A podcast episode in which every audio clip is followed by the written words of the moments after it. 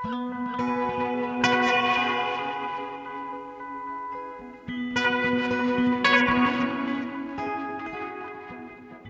og sælkjæru lustendur, Melgorka Ólafsdóttir og Halla Harðardóttir heils ykkur úr hljóðstofi Víðsjár 5. daginn 10. november. Í þætti dagsins Nýr heimur, Kammersveit í hlustunarparti og postfeminismi. Ég býð mig fram er röð óheðbundina örverkasýninga þar sem leikstjórin Unnur Elisabeth Gunnarsdóttir býður listamönnum úr ólíkum áttum til samstarfs.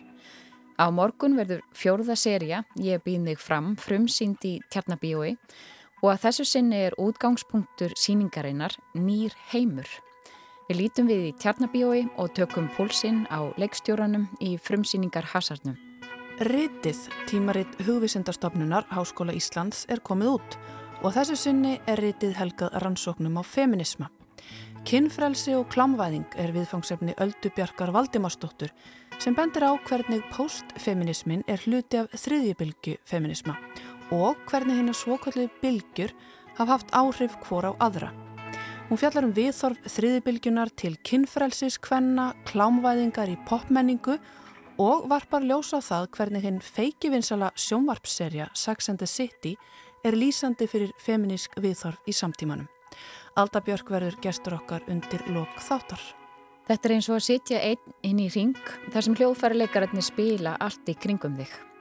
Þannig lýsir Hugi Guðmundsson, tónskáld, upplifin hlustenda í hlustunapartíi sem áhuga sem um býðst að mæta í í Bíóparadís á morgun.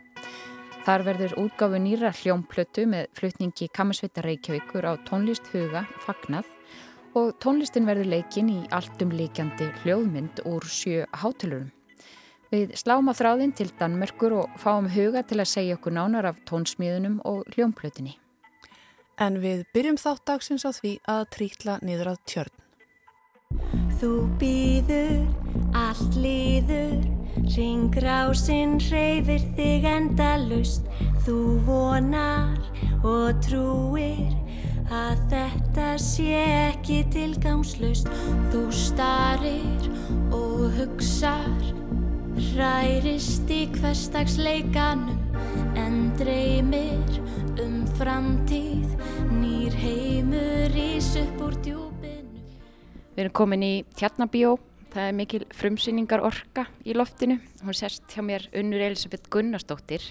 Ég býð mig fram, serja fjögur. Þetta er í fjörða sinn sem að þú stendur að viðburði eða viðburða serju að þessu tægi. Hvernig kom þetta til í upphafi? þessi örverka sérija? Já, það er góð spurning. Þetta byrjaði allt fyrir fimm árum síðan og þá var ég að fara að setja upp sólósýningu en svo fattaði ég sko að mér fannst ofsalega leiðilegt að vera einn í stúdíóinu. Þá einhvern veginn kom þessi hugmynd upp að fá listafólk með mér í samstarf. Og þetta byrjaði alls að já, fyrir fimm árum í mengi. Og þá bauði ég mig fram í fyrsta sinn. Og þá var þetta með svona öðru sniði en núna. Þá var ég að bjóða mig fram til annara listamanna og ég saði ég skal gera hvað sem er fyrir þig. Þannig að þetta er smá öðruvísi núna. Fyrstu tvö skiptin sem að þú gerðir þetta þá varst þú einmitt að bjóða þig fram til að sína verkanara og svo snýrir þessu við. En hvað er konsepti núna? Núna eru pör eða hvað? Já, nú erum við að vinna með duettaformið og ég sess að mæti frábærum listamönnum í duettum og þeir fjalla allir um nýjan heim, bara mjög mismunandi hátt. Þannig að bæðir á svona persónulegum skala, á nattrænum skala og hérna við köfum alveg á mjög ólíkan hátt inn í þetta konsept. Og konseptið er þess að nýr heimur, kemur konseptið fyrst eða kemur hópurinn fyrst eða hvernig gerist þetta? Konseptið kom fyrst, þetta kom til mín þessi hugmynd í heimsfaraldri, þar sem að hérna allt var svo skrítið og þetta var svo mikill nýr heimur fyrir öllum. Og þá kom þessi hugmynd tímin og ég byrjaði að skrifa hugmyndir og skrifa svona gróft handrit að þessu. Og svo var ég með svona umsóknarferðli og bauð fólki að sækja um og það komi rosa mikið umsóknum til mín og það var erfitt að velja að það var svo flotti listamenn sem sótt um þannig að ég er með alveg svona kremdilega krem í þessum hópi sko það lítur að vera svolítið öðruvísi einmitt að bjóða sig fram eða vera valinn. Það kemur önnur orka þannig. Já, það er eindir alveg rétt sko. Þetta er, þetta er allt öðruvísi núna Nú erum við svona saman að bjóða okkur fram kannski. En já, þetta er alveg frábært listafólk og hérna búið að vera ótrúlega lærdomsýtt og skemmtilegt ferli. En að hinga til þá hefur þú flutt eða sínt verk annara og þú hefur líka snúið þessu við. En hver er þín aðkoma í þetta skipti? Herðu, ég er að leikstýri svo allir saman eins og alltaf. En hérna, svo er ég bara leikona á sviði og er alveg sveitt í hraðaskiptingum. Því ég er í öllum dúetónum. Þannig að þetta er rosalegt marathón, þessi síning. Þannig að ég er basically svona allt múlíkt í þessari síningu. Þú lærðir dans og svo ertu búin að vera að læra leiklist. Þú fórst í mastersnámi í, í leiklist og áttu erfitt með að ákveða þig hvers konar listamæður er. Þú ert, ertu fjöllistamæður? Já, þetta er nefnilega góð spurning af því að fólk vil alltaf setja mann í eitthvað boks og finnst mér flóki þegar maður er á svona mörgum stöðum. En Mér líður best hannig. Ég er náttúrulega, jú, dansaramentuð og verði alltaf dansari þó ég sé kannski alltaf að minna og minna að dansa. En svo hefur bara leiklistin alltaf kýtlað svakalega mikið og ég er náttúrulega búin að vera í leikúsi frá ég var tíu ára í alls konar síningum. Þannig að maður hefur þetta nú í blóðinu og svona. Og, en svo er þetta le leikstjórnin er þar sem að ég er alltaf að hallast meira og meira. Það minnst ofsalega gaman að leikstýra og þess vegna fór ég í þetta nám og svona alltaf danshöfundurinn sko. Ég er, ég er leikstjóri, danshöfundur, leikona dansari, þetta er, ég ámar ekki bara segja fjöllistakona, er það ekki best orðið það?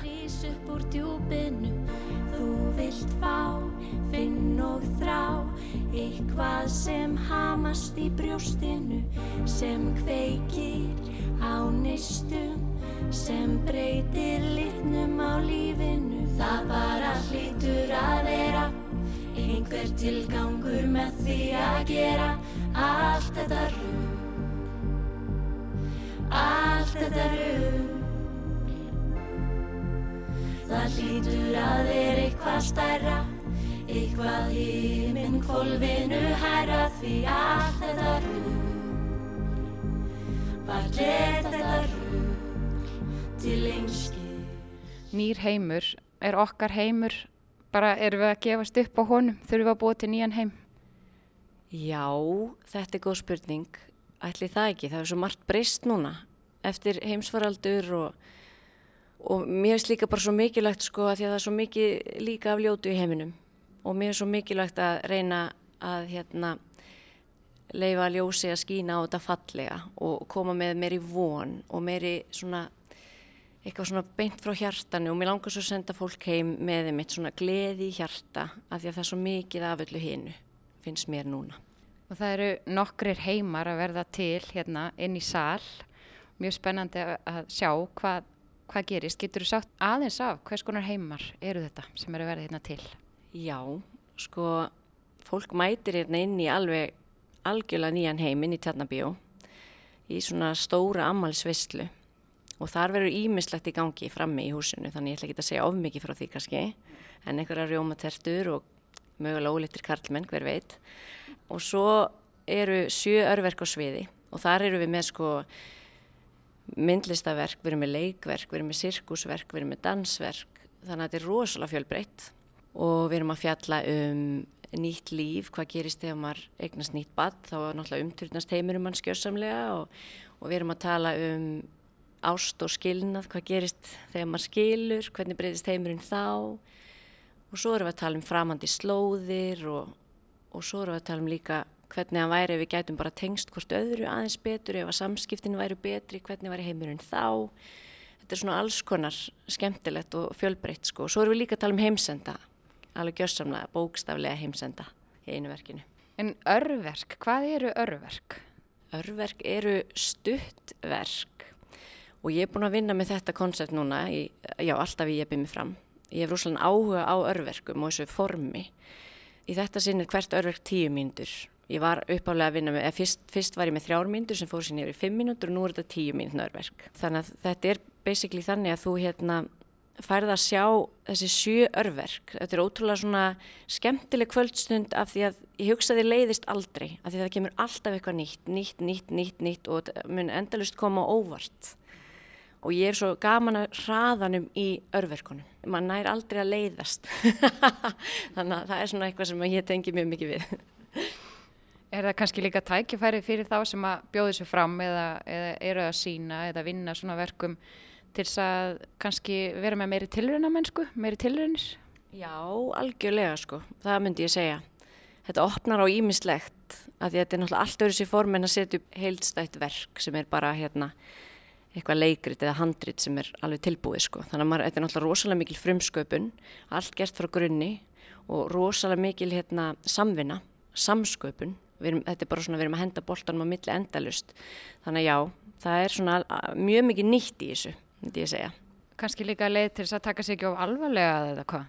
Já, ég hugsa það. Það er mjög mikil húmor. Við erum að vinna mikið með húmor í þessu. En líka ofsalega mikið hjarta og fegurð þetta er svona góð blanda, þetta er svona ljúfsár síning. Ég ætla að hleypa þér aftur inn í sál. Ég sé orkuna í augunum á þér og bara við lökum til að sjá. Takk fyrir spjallið. Takk kærlega fyrir mig. Þú vinnur, þú tapar, þú krumpast,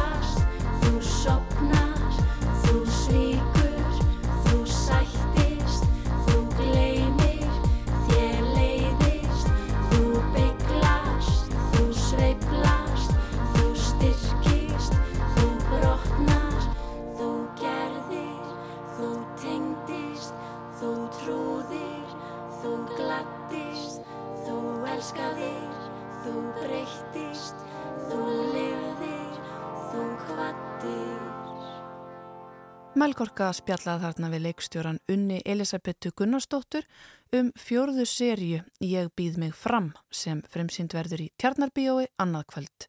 Við herðum líka brot úr enkennislægi örverkaháttíðarinnar Nýr heimur eftir þær Unni Elisabethu og Önnulísu Hermannsdóttur. En þá ætlum við að slá á þráðin til Danmerkur. Hauði Guðmundsson, þú ert stættur í Danmark og er búin að vera búsettur þar lengi. Já, það er orðin ansi mörg ár.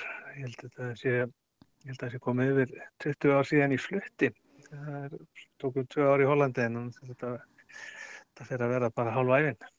Já, og gengur vel þarna sem tónskáld. Það var að koma út þriðja heila platan með verkum eftir þig, Vindpels. Já. Já, þetta er plata sem er búin að vera hansi lengi í bígerði rauninni eins og, og eins og margt svona sem er lendi í, lendi í COVID-un og svona. Þetta kveikjana þessu kom þegar við þegar Kammersveitin spilaði titilverkblötuna getur við sagt sem heitir Equilibrium 4 Windbells á myrku músitum ég nokkuð sem að það verið 2019 það er verk sem hefur verið spilað all, all oft í rauninni sko, verk fyrir fimm hljóðfæri og elektrónik en aldrei verið tekið upp. Og það var í einhverjum dómum sem komum tónleikana það var eitthvað að vera að förða sig á því að það verið búið að taka þetta upp og þá kveiknaði svona þessi hugmynd að kannski bara taka það verk upp og svo bara einhvern veginn vatt þetta upp á sig og það sem að byrjaði sem eitthvað svona lítið verkefni með eitt verk að það er bara orðið að heilli, heilli plötu mm -hmm. sem að kemur út hjá amerísku útgáðu fyrirtæki og eitthvað svona miklu stærri en við sáum fyrir. Það verk var, einmitt, var ekki frumflutt í Japan árið 2005? Jú, akkurat. Það var flutt á heimsýningunni í Japan sem að þá var. Það voru, með, það voru þessu kaputópurinn og ég fór með þar til að stýra elektrónin. Fluttu mjög einkennlega rastæðar á einhverju svona, svona hálfgerðu leikvangur heila. Þetta var svona eins langt frá klassískum tónleika sett upp á maður kemst í. Og ég átti að stýra elektrónikum, ég verið svona örgulega í 100 metra fjallað frá sviðinu og þetta var allt mjög svona framandi og fullt af japanum að hlaupa og hjálpa manni með einhverja snúrur og eitthvað. Þetta er eiginlega svona hálf surrealist að hugsa um þess að tónleika þarna. Já, en ég hjó eftir því að þessi kammerverk á plötunni þau hafa verið pöntuð af einhverjum hópum eða fyrir ákveðna viðburði. Er það svona alla jafna fyrir ykkur tónskaldin? Skrifiði svona eftir pöntun eða koma tónverk stundum án þess að það komi til að einhver panti þau? Já, þetta, geraði það sko, en, en svona þegar að hérna, þegar maður er að reyna að lifa þessu eins og ég hef gert núna síðustu, að ég hef vilja bara fá frá námslókum, þá einhvern veginn er mann svona svolítið, hefur maður eiginlega ekki alltaf efna á að segja nei við þessum beðinum sem koma og ef það er einhver sem hefur einhverja, hefur eitthvað tilöfni og, og, og möguleika að fá einhverja styrki eða með einhver pening í það og þá, þá er hann oft það sem einhvern veginn kannski er svona algengast að verði. En, en síðan hef ég nú alltaf reynt samt sjálfur að hafa sko frumkvæði að einhverju svona, þú veist, ef maður gengur með einhverja svona hugmynd í maðanum að reyna að vera með eitthvað frumkvæði því sjálfur líka sko, hvernig, og auðvitað gerir maður það líka í þessum pöntunum, þetta er ekki, það er ekki verið að panta verk sem eru, þú veist, eftir einhverju rosalegri fórskrift yfirleitt, hérna, eða þó mestarlega hljóðfærasamsetningin sem er ákveðin og svo svo er maður sjálfur í því að með hópnum að móta svona hvað, verkið, hvað verður úr því. En það er alveg rétt, þessi verk eru öll held ég þannig tilkomin að, að það er einhver sem pantar þau og, Mm. og maður er hérna, svo vinnur þið þaðan. Það er svona kannski praktiska hliðin á þessari, þessu ferli en svona listrænt séð, hva, hvaðan kemur drifkrafturinn hjá þér? Hvað er það svona sem að inspirerar þínu verk og kannski saminar þessi verk á þessari plötu? Já, það er ansið góð spurning sko. Þetta, þetta er náttúrulega verk sko sem er frá eiginlega spanna alla minn, alla minn tónsnýðarfél getur við sagt. Það er alveg hérna 15 ára á milli verkana þannig og það er hérna svolítið fróðlegt einmitt að, að það er auðvitað komin alls konar praktiska eftir að setur svona kamimúsiplötu saman þetta það er svona einhvern veginn að passa líka fyrir hljóðfæra samsetningun sem við verðum að vinna með og, og þannig. En, en svo var svolítið merkilegt að maður fór að skoða það sjálfur eftir á hvernig það er vissur auður þráður þetta í gegn sem að einhvern veginn ég verið greinilega hafa leitað í aftur og aftur það er svona sömu inspirasjón kannast við vissa svona gamlar útgáður sjálfur mér þarna þegar maður hlustar á eldri verkin og það er alveg klárlega hann einhver þráður í gegn þó að verkin séu úr ímsum áttum. Hvað nákvæmlega inspirasjónin er, það er svolítið erfitt að setja fingur á það, það er getur verið eitthvað sára lítið, eitthvað eitt tónbil eða eitthvað sem kveikir eitthvað í manni og svo fer ferli bara veginn á stað. En uppásverki á plötunni, það heitir Entropy sem þýðir óreiða. Er það einhvers konar þráður í verkonum þínum, svona óreiða og regla á viksl? Já, það er, það er alveg hygglust að, að segja það. Það er einhver svona, eitthvað jafnvægi þar á milli sem ég er að leta á. Þetta er svo sem ekvilibrium eru er líka, þetta vindbelsverk heitir nú ekvilibrium og er, er hluta af svona bálkja verkum. Það er líka eiga við svipað, sko, það er þetta jafnvægi milli, ég myndi svo segja, regla og óregla. Um, einhver svona, þú veist sem er líka í ómstrið og ómþýðu og eitthvað svona, það er þessi svona, þessi, þessi svona innri átök sko sem að, sem að á alltaf einhvern veginn heila mig. Mm -hmm. Og leitað jafnvægi? Leitin að jafnvægi, það er, það er nú kannski það sem að, maður er alltaf að leita í lífinu. Já.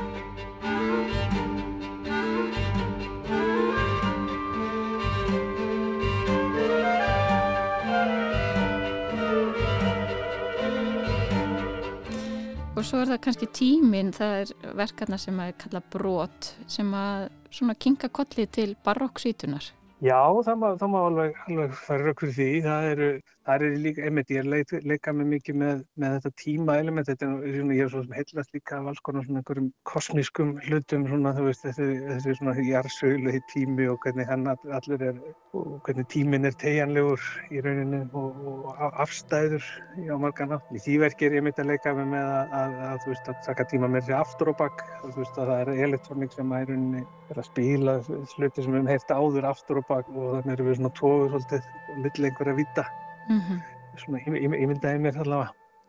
En nú lítur að vera, maður hefur heyrt sko fyrir tónskáld þegar tónskáld vinna kannski marga mánuði, jáfnvel árað einu verki og svo er það flutt og, og það tekur kannski bara nokkra mínútur eða, eða svo í flutningi og það lítur að vera mikið spenna sem fylgir því en svo lítur tilfinningin þegar einhvað er tekið upp og svona fest í ákveðnu formi að vera annars konar.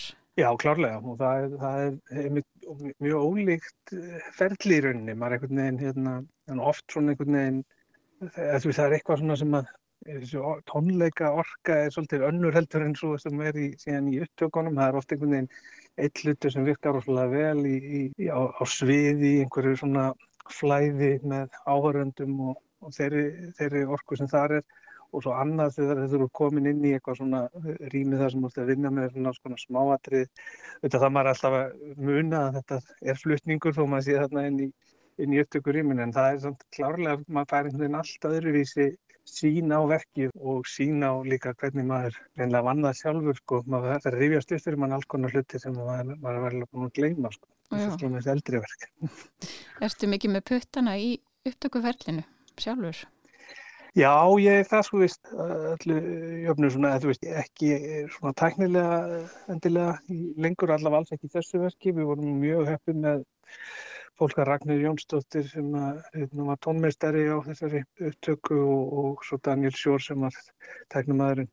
Þau eru náttúrulega bara heimsklassa fólk sko, þannig að maður þurfti ekki að hafa áhyggjur en einu þannig en ég gæti þá bara leift mér líka að vera þessi sem að var svona hlusta á stóra formi, þú veist, eru, eru við með sko, réttu stemninguna sem við erum eftir, þau gæti verið að veltaði fyrir sig hvort það var eitthvað tónhári eða lári eða Mm -hmm. mikrofónni var réttum stað þannig þannig að það er svona luxusútgáfan að fá að vera í stúdíónu þannig að maður getur bara hugsað um músíkina og ekki, ekki þetta tæknilega.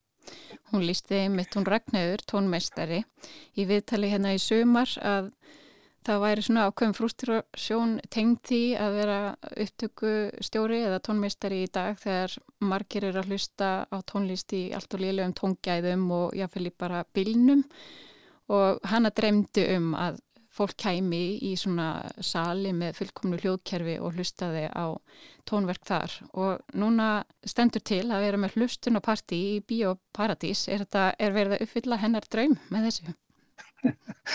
Ég von, vona það sko, að það sé, ég átti nú ekki bara hennaröldur eins, eins bara þessar útgáðu svona lúminur sem að hefur eh, fengið náttúrulega alveg fjölda grammi veluna fyrir akkurat þessa tegunda upptöku.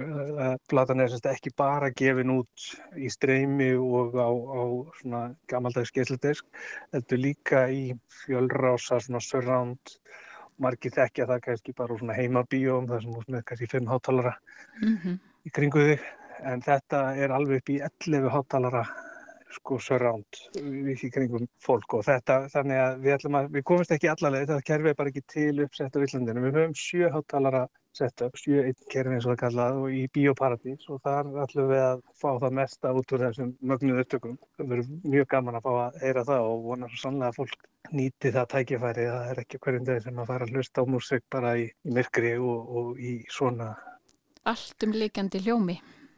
Allt um líkjandi, það er fallið ja. Mm. Meiri sé að á tónleikum heyrum við ekki svona allt um líkandi. Nei, þetta, þetta, er, þetta er í rauninni sko er hugmyndin þannig að þetta er tekið allt upp á þessu fara til einhver mjög tekna þessu þá er þetta, eru hljóðfæralegarnir í kringum svona mikrofóna 3 þannig að maður fær svona upplifun að því eins og maður væri einn með þessi hljóðfæralegur sæti í miðjunni og þeir eru allt í kringum hann og maður væri bara svona prívatónleikum. Það er svo svona upplifun sem er verið að eh, leitast eftir í þessari upptöku tækning. Takk innilega fyrir spjalli. Hugi Guðmundsson, tónskáld. Takk sem leðis.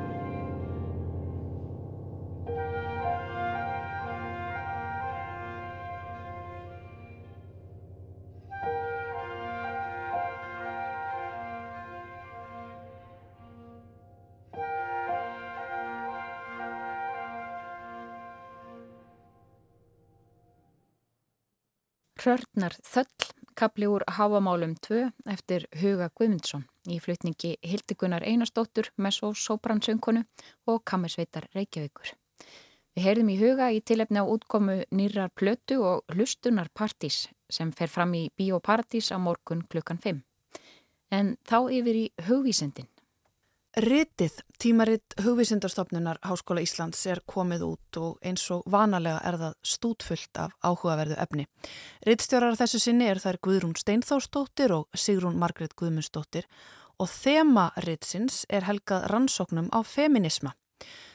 Þar er að finna greinar um samtímabókmyndir, feminíska guðfræði og vist feminisma, svo eitthvað sem nefnt, kinnfrelsi og klámvæðing í postfeminískri umræðu er viðfangsefni Öldu Bjarkar Valdimarsdóttur en hún er prófessor við Íslensku og menningardeldi í Háskóla Íslands. Í greininni fer Alda Björk yfir helstu kenningar í postfeminískum fræðum, bendur á hvernig postfeminismin er hluti af þriðjubilgu feminisma og hvernig hennar svokallu bilgjur hafa haft áhrif hvora aðra. Hún fjallar um viðþorf þriðibilgjunar til kinnfrelsis, klamvæðingar og playboy menningarinnar og hún greinir hérna feiki vinsalu sjónvarpsserju Sex and the City með hliðsjón af fyrirnemdu. Alda Björk er hinga komin og mig langar til að fá hana til að varpa ljósi á það helsta úr greininni. Verður velkomin Alda Björk. Takk fyrir. Kanski fyrsta lagi bara er talað um fyrstu bylgu. Já, já, emmitt. Þetta við tölum svo mikið um aðra bylgu. Já, já, það er talað um fyrstu bylgu líka. Upphafið, byrjum bara já, þar. Já, emmitt. Þetta er kannski svona, ég kannski, í minni greinu verið kannski alveg svona fókusera meira á hérna þriðibylgjun og postfeminisman, þannig að ég fer svona, Akkurat. en fyrsta bylgjan er kannski svona í rauninni kannski bara, myndum að segja meiri volstónkraft, hugsa ég, þú veist, þetta er 19. öldin, það er verið að berjast fyrir allt öðruvísi, eða þú veist, það er verið að berjast fyrir svona grundvallar mannréttindum. Mm, Við erum bara að tala um upphafið að kvennabrátunni. Uppafi, já, já, því ég Mhm. myndi segja kannski þá tölum við yfirleitt held ég um fyrstu bylgjuna Mm og förum, förum svona kannski svona til 19. aldarinnar -hmm. og það, þá er það kannski svona verið að berjast fyrir bara kostingarétti, grundvallamannréttindum, erðarétti, um, þú veist það að koma, eða og svona, já, svona grundvallar, grundvallar atriðum. Og svo er það sem að kallast önnur bylgja. Svo fyrir svona aðeins rætti við sögu áður við fyrir inn í það sem að þú ert að gera grein fyrir helsti greininni þinni. Já, emmitt. Það er kannski svona, þá erum við kannski komin, hérna, hún er ofta rækin til eh, Betty Friedan, þess að skrifaði Feminine Mystic 1963. Þannig að þetta er svona, þetta er svona, svona sjönd, eða þú veist, þetta er svona í kringu 1960 eitthvað svo les. Og þá er verið að horfa svolítið meira á húsmóðurina, verið að horfa á, þú veist, hún talar um að heimilið, þú veist, verið að fara inn á heimilin, hún talar um heimilin sem útrýmingabúðir, þægilegar útrýmingabúðir og þú veist, og það þurfa að koma konum í auknum mæli út af heimilónum, það þurfa ekki að, þá er að tala um, þú veist, tala um virkni, óvirkni, koma þeim í rauninu bara út af heimilónum, þannig að það geti tekið þátt í samfélaginu. Og síðan náttúrulega líka þetta með, þú veist, í, í annari bylginu þá líka fókusin, fer fókusin líka að vera á konur sem, sem hlutgerfingu kvenna, konur sem annað, það var alls konar, stefnur eins og mótunarhyggja, eðlishyggja, og þú veist, og alls konar það er alltaf verið mikil átök og rífist mikið innan feminismans svona um, um sín og, og stefnur. En á þessum tíma þá eru konur komnar með þessi grundvallar mannréttinni sem var barist fyrir upphafi en þarna er kannski meira verið að reyna að breyta kerfunum og komast út á vinnumarkaðin og, og aðlaga kerfin að bara nýjum veruleika eða hvað. Já, svona, það er svona farin að vera meiri krafa um það að, að þú, veist, þú veist, tala um lau, til dæmis launamun Mm. að hérna og það er kannski svona, þú veist, það það komið ákveðin, þættir eru komnir en ennþá mjög mikill munur á stöðu kvenna og stöðu karla. Mm Þannig að það, það er svona verið að taka þetta, þetta er svona fer í svona sti, þetta er svona eins og tröppugangur, þetta fer, fer þetta tekið svona í stigum. Einmitt.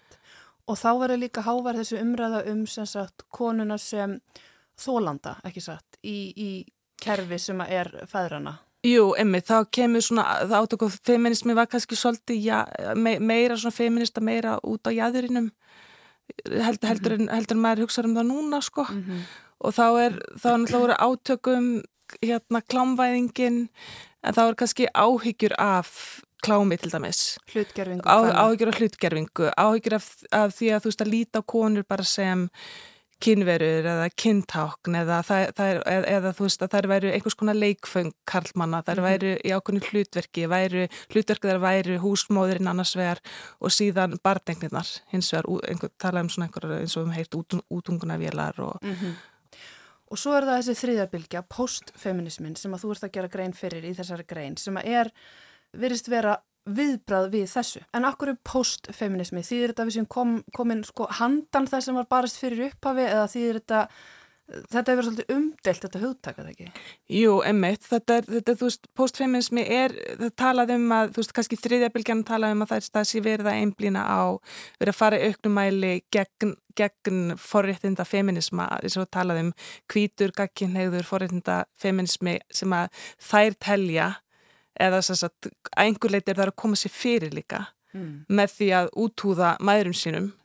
Og það, þetta er svona algengt, algengt svona ákveð kynslu og stríð sem á, á sér stað, þær, þær koma sér fyrir og það er kannski einfalda kenningar annara bylgunar, skrumskæla þær og taka þær og þú veist, sem, þú kannski gerir þegar þú ert að hugsa um hugmyndafræði. Þá tekur ákveðna stefnur og þú einfaldar þær, þetta er svolítið svona eins og stróman argument, það sem þú segir að fólk sé með ákveðnar hugmyndir og svo hérna hafnar þeim. Og, og þetta er ekki, þetta er ekki, þetta er kannski stundum eftir bara einfalda hugmyndirnar. Mhm. en það er það sem var gert og það var talað um að það væri bóð og bönn. Annubilgjan væri, þú veist, þetta væri svona svona siðferði þessi, þessi á, sérstaklega líka, þú veist að konur mætti ekki vera kynverur, mætti ekki vera hugsa um kynvitund sína, kynfrelsi. Þetta væri, þetta væri of stíft þetta væri, það, það voru ekki að tengja sig við þessar, þessar svona stífu eins og þær kalliðu þessar, þessar, þessar stífu hugmyndir sem það tengdu þá við mæður sínar og aðra bylgjuna. Þriðabylgjan fyrir líka að hugsa svolítið meira um kynþátt, kyngerfi og hérna kynvitund og hérna en postfeminismin er, er aðeins kannski svona meira í þessu en gengur lengra í þessu sagt, með kynfrelsið, einstaklingshyggjuna nýf, tengist við nýfrálshyggjuna kapitalisma, að vera neytandi og það er ákveðin svona gleði, íronía, skeitingarleysi, það er svona gaman og hérna þú, þú tekur einhvern veginn hlutunum ekki á hátílega og feminismi fer að vera svolítið svona stimp, stimpill sem þú vilt ekki tengja þig við. Ne eitthvað neikvætt orðið, orðið feminisma sem það tengja þá við aðrabylgjuna sko. Einmitt, þú lýsir þeim mitt í greininni hvernig sko popkultúr tíunda áratugurinn sé svolítið svona góð byrtingamind fyrir allt þetta Já, og hvernig konur innan hans fóru, vildu ekki allt í hennu skilgreina sig sem feminista til dæmis bara eins og Jerry Halliwell, hérna, kryddpjan já, saði feministar eru ekkit nema lesbjur sem að brenna brjóstahaldara.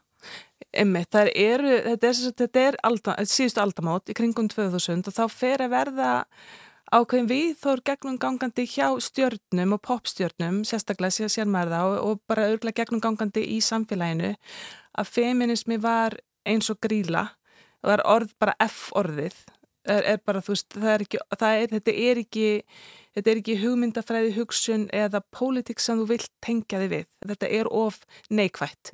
Þannig að þá fór þær að stíga fram og segja að þar væru ekki feministar heldur humanistar og það vartu með mjög margar helstu stjórnum samtímans, þú veist, út með Meryl Streep, út með Madonna sem segja þetta, þær eru ekki feministar heldur humanistar, þú ert með Katy Perry sem að þegar hún tók við Billboard-verðlununum, ég held að það verið 2012 eða 13 Mm. Sem kona ársins þá segir hún þetta, hún sé ekki, hún tengi sér ekki við, þó, þótt hún trúa styrkleika hvenna, þá, þá, þá, þá tengi hún sér ekki við feminisma. Og síðan endur skoðun þetta 2014 og segir eitthvað svona að, að hún sé nú alveg, að hún skilji núna betur um hvað feminismi gangi, en það, það tengist því samt ekki, hún elski samt karlmenn. Þetta, þú tengir þetta við eitthvað svona and og ka- körlum, karlahatur og líka, líka stífleika, reglur, bóð og bönn sem að þær vilja ekki tengja sig við. Einmitt. Einmitt. Grettu feminismi, hvað er það? Grættu feminismi er, þetta, þetta fer, einmitt þetta eru svona margar, margar svona litla reyfingar innan þriði bylgjunar og hérna þú, þú ert með að líka dúmi í fem, eða taktum í feminisma sem er kannski kemur að held ég aðeins og undan sko. Það er tengt við, það er, það er tengt við konu sem að segist vera sérst, bla, bara blaðakonu frá 94 sem segir, segir þetta hún, að hún aðhællist taktum í feminisma og þá, þá er að tala þeim svona gegn svona svolítið vera að fagna svolítið klámaðingu, fagna þú veist því að konur séu hérna hlutgerðar í rauninni. Mm -hmm. Það sé bara í lægi og það sé valdeflandi mm -hmm. að vera hlutgerður, það sé gott mm -hmm. og það sé feminismi líka. Við sáum þetta, þetta mjög stert í popmyndböndum þessa tíma. Já, einmitt, þannig er við með svona, svona kannski, frækt er kannski Miley Cyrus og Wrecking Ball sem að, vald, og hún hefur, hún hefur gengið svolítið langt í í, þess, í að fara í þessar áttir mm -hmm. og hefur skömmu líka sínd og Conner, hún skammaði hana mm. og sagði hún veldi síninni móðulega ást sko, en hún, hún talar um þess að hún er svona með þess að kannski svona í þveng með fróðamilli læra sinna og með einhvern svona hérna fröðplastfingur og hérna og segir að hún sé þetta sé feminismi mm -hmm. hún sé mest í feministi í heimi. -hmm en þetta er ákveð vergildi sem þú færð ákveð svona, þú, það eigur virði þitt sem popstjarnar þú færð bara að fara í þessar áttir og fara þessa leið. Það, til dæmis eins og Miley Cyrus hún fekk mér mik mikla hérna þú veist, net worth hennar. Það eigur söluna. Það eigur söluna, það eigur svona, svona þú fær mér í aðtikli mm -hmm. þannig að það er kannski líka skiljanlegt þá að þú farir svolítið í þessar áttir markaðurinn kallar á þessa hlutgerfingu. Já, já, einmitt, markaðurinn kallar á þetta og já, þannig að mhm. hérna... En sko eins og þú bendir líka á greinni þá að margir fræðimenn reynda skilgreina þetta ástand og þetta sem hefur verið kallað bakslag og meðal annars eh, eina af þessum röttum er Susan Faludi sem að, eh, já, bendir kannski á hvernig andrúsloft hvernig pólitík þessa tíma, nýfrálsíkjan, tatsjar reikantímin hafi raunin ítt undir þetta allt? Já, Emmett, hún skrifaði þarna The Undeclared War Against Women sem það hún tekur svolítið mynd nýjunda áratögin fyrir Rekan og Tatsir tímabilið, nýfrálsíkjuna og hvernig, hvernig það, það er ákveðis að svona bakslag sem á sjá þar á stöðu kvenna í rauninni og það er líklegast út af feminismannum og það er áhyggjur yfir feminismannum, áhyggjur yfir þessum auknum þessum auknum hlutverkum konunar, þú veist það að hún sé komin út hún fann að fara svolítið, hún fann að fara út á heimilinu eiga sér starfsferil um, það er komin þú veist og, og það sé bara ómikið að gera hjá konum, það er að brenna út það ráða ekki við öll þessi hlutverk og þetta sé mjög slæm þróun og þetta er svona gegnumgangandi bara hugmynd, hugmyndir sem voru í fjölmjölum og voru út um allt á, á þessu tímabili mm -hmm. og hún fer svolítið í þessa orðræði, orðræði. Og, og það sem lausnin frá þessum vanda sé svo að koma konum aftur fyrir inn á heimilinu vegna þess að hitt er bara, þetta er of erfið, þetta er of slítandi, það er að verða taugaveiklar, það er að missa geðhilsuna mm. Þannig að þetta er, þetta, þetta er ekki gott samfélag mm -hmm. og það er miklu betra fyrir alla að konur fær, fær þá bara aftur inn á heimilin að sinna heimilin og börnunum. Það kom aldrei upp inn í umræðinu að senda bara kallana aftur inn á heimilin?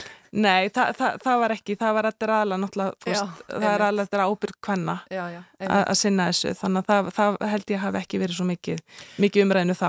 Einmitt. Þannig að sagt, erfileikar á vinnumarkaði, kulnun, þungi þriðjuvaktarinnar og svo framvegis eh, eru ekki tilkomin vegna þessara gömlu kerfa sem er eftir að laða sig að þessum breytu aðstæðum þegar konur eru komnar inn á vinnumarkaðin heldur vegna kannski frekar þá náttúru hvenna að einst inn eigi þar að vera bara hvenlegar mæður. Já, þannig eru kannski komin, gæti verið, hann komið svolítið inn í eðlisíkjuna, emitt, sem er emitt áhugavert vegna þess að eðlisíkjan hefur kannski eðli hvenna að sé þeirra, þetta sé þeirra hlutverk og þeirra vegna þess að það er kannski fæðabötnin, að ganga með bötnin og fæðabötnin. Mm -hmm. Að þá sé það eitthvað sem fari vel með, eitthvað sem fer vel saman, mm -hmm. að það sé þá bara þar. Emitt. Kannski bara svona í lokin, þú talar um það líka sko hvernig, já, vinsal sjómastáttaserja, Sex and the City, fangar rauninu allt þetta sem við erum að tala um, hvernig hún er kannski, þú veist, hvaða kona byrtist okkur þar? Þetta er sko þáttaröð sem að, já, er kannski hægt að stimpla sem einhvers konar byrtingamind þessa, eða hvað? Já, Sex and the City er öruglega bara mjög svona lýsandi fyrir postfeminisk viðþorf í samtímanum hún er mjög, hún, hún er mjög mótuð af postfeminískum viðþorfum það, það, það er svona viðþorf til þú veist, kynlýsviðhorti, kynvitundar, kynfrelsi, kynlýs, kannski kynlýsbilding og verða að fókusera svolítið á, og þetta var ferst þegar þetta kom út, þetta var að fókusera á einblýna á einhleipi kona vegna þess að það er líka viðhor sem voru nótuð til þess að kúa konur að, að þú veist að það væri ekki hérna, einhleipa konan væri einhvers konar sirkusviðrinni. Þannig að það komu svona ný viðhorf til einhleipi konar sem voru á þessum tíma mjög fersk. Mm -hmm og, hérna, og það er, þetta er raunni séð sem að það sé og þættinni bóða svolítið er að það sé hérna, langfarsalast að vera bara einhleipur stefnumóta menningin er það sem að hérna, gerir þig svona fullnægir þörfum þínum einhver leiti mm -hmm. um, eiga þið starfsferil og eiga síðan vinkonur mm -hmm. hérna fara og síðan er þetta náttúrulega mjög mikið mjög mikil kapitalismi í, í þáttunum líka mjög mikil svona Konun að gera lítið annað en að neyta Já, það eru neytendur einmitt, það eru að versla Já. það eru á veitingastöðum það eru að, hérna, að drekka koktela, dýra koktela það eru ofsalega dýrum tískufötum og mer gangi merkjaföru mm -hmm. þannig að þetta er kannski eitthvað svona fantasia líka og þetta er líka eitthvað svona fantasia örgla um vinkonu sambandi sem fullnægir, fullnægir þörfum þínum og það er Karlinn Karlinn orðin svolítið gagslaus mm. hann, hann er ekki hjónabandi er ekki að virka mm -hmm. þú veist það, þættinni sína fram á það í rauninni mm. að langtíma sambund ganga og mörgum þú veist fara bara í margar ástær fyrir því að langtíma samband og hjónabandið ganga ekki upp Emmitt og hjálpatæki ástalífsins kom kannski bara í staðin fyrir kallmenn. Já, þú ert með, þú veist, titrara og dildó sem kom í staðin fyrir kall, kallmenn og hérna, og síðan ertu með, og síðan eru vinkonirna sálufélagar hvers annars. Emmitt. Uh, eitt sem er luta þessum valdafeminisma og þessum við erum verið að ræða hérna er það að það mátti í rauninni á þessum tíma alls ekki tala um konuna sem þólanda. En þetta er auðvitað eitthvað sem að hefur aldeilis breyst núna síðust ár í kjölfar þess að maður hægt að kalla kannski, eða þess að mér kallað fjórðabilgjan sem er MeToo-hreyfingin. Já, emmitt, það er það sem er svolítið enginlegt við svolítið stutt síðan.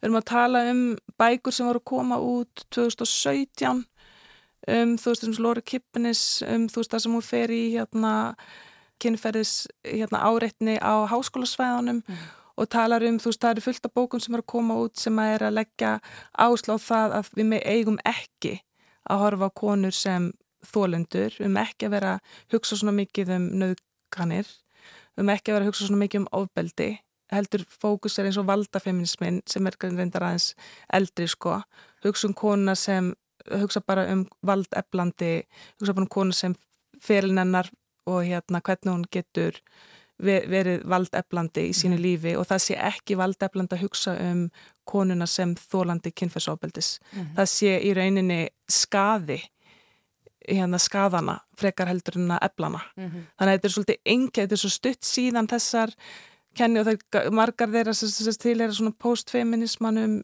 og er ganga mjög langt í, í því að þú veist að tala um bara að hérna, við séum að við séum að horfa, við séum farin að horfa til viktorianska tímabilsens varðandi, þú veist, reynleika, mm. kynkvöt og þessi verða fókus er að einblíðin svolítið á það, á það konun sem svona, hún sér hún sér reyn og hún sé hérna Ofbeldi er rauninu alveg streikað úr umröðinni Já, já, það bara það, það var eitthvað sem að þú áttir ekki að horfa til að horfa á mm -hmm. og síðan má kannski segja því að feminisminu talar um og hún Andilum Akropi talar um að það sé eðli feminismans að ungar konur sem þú veist að þurfa, það þurfa að taka sér það þurfa að finna sér og sjá sér í feminismannum til þess að það er eina leiðin fyrir hann til að halda líka velli mm -hmm. að þú veist það er sjá sér og, það, og leiðin er svo að þú í rauninni þarf að takast svolítið á við kynnslóna sem kemur á undan mm -hmm. við mæður þínar sko og og takast á að finna þig í hérna þessum, þessum, þessum ströym og stefnum og það má kannski segja mítubildingin að þá sé kom, komin kynnslóð ungra kvenna sem er líka hafna maðurinn sínu sem er fættar í kringum 1970, ex-kynnslóðin mm -hmm. fulltrúar sem eru og það, það, það, það er að takast á við við ákveðnar bylgjur, ströym og stefnur sem hafa verið í gegnum gangandi í kannski 20 ára eða eitthvað svo leiðis. En í þetta sinn er sennilega ekki hægt að tala um neitt bakslag? Nei, einmitt, þetta er ekki bakslag. Einmitt. En hvernig bregðast fræðikonur við þessari mítúbylgi fræðikonur sem voru að útiloka konuna sem þólanda og, og tala í þessa átt? Sko, það, ég hef kannski ekki séð mikla umræðu um það en það, það eru, það mönd maður kannski segja að postfeminism og þrejabilgjan er ekki í rauninni aktivismi það talaði um að það sé ekki aktivismi mm. heldur meiri og suma gaggarna fyrir að vera bóklegur þar sem þú ert ekki þar sem það er komin ákveðin svona aðskinaðin milli persónlega og því pólitíska. Mm en á meðan kannski MeToo-byltingin kannski farin að, farin að horfa meira til bara annar bylgunar, mm -hmm. aktivisma og hérna... Og farin kannski horfast í auðvið það að það persónlega er alltaf pólitist. Já, persónlega pólitist þannig að þetta er, og, og, og ákveðin svona, þó að þú sé ennþá alveg margt í gangi ennþá sem tilherir þriði bylgunni sem að er, myndum að segja, þú veist, sambandi við hérna kyngerfi, kynþætt þátt og sem, sem við erum ennþá að glím, glíma við náttúrulega í fjörðubilgjunni mm -hmm. um, þá, þá er þetta sem er kannski ólíkt er, er þetta í sambandi við konu, umræðanum konu sem þólendur mm -hmm. sem að þriðjabilgjan og sérstaklega postfeminismi var ekki að gera Einmitt. Alda Björk Valdimórsdóttir, takk fyrir þessar hröðu yfirferð. Takk kærlega fyrir mig. Ég bendi bara hlustendum á að næla sér rétti til að vita meira um þessi mál. Takk fyrir komuna. Takk fyrir. Hallarætti þarna við Öldubjörg Valdimarsdóttur. Það stýttist í lok þáttar en fyrst langar okkur að benda á áhugaverða tónleika sem fara fram á sunnudaginn. Kammer Músiklúpurinn var stopnaður árið 1957 og hefur staðið fyrir reglulegum tónleikum þar sem fjölumarkir af fremstu tónlistamönnum okkar Íslendinga hafa komið fram og leikið kammertónlist fyrir gesti. Nú á sunnudaginn fara þriðju tónleikar þessa starfsás fram í hörpu klukkan fjögur. Það er þær Bryndis Halla Gilvadóttir, selvoleikari og Jane A.T. Sutarjó, pianoleikari sem þá koma fram og við ætlum að ljúka þætti dagsins á tónlist í flutningi Bryndisar Höllu af því tilefni. Það er katalónska þjóðlægið Söngur Fugglana í útsetningu Pablo Casals. Með Bryndisi leikur Steinun Birna Ragnarstóttir á piano.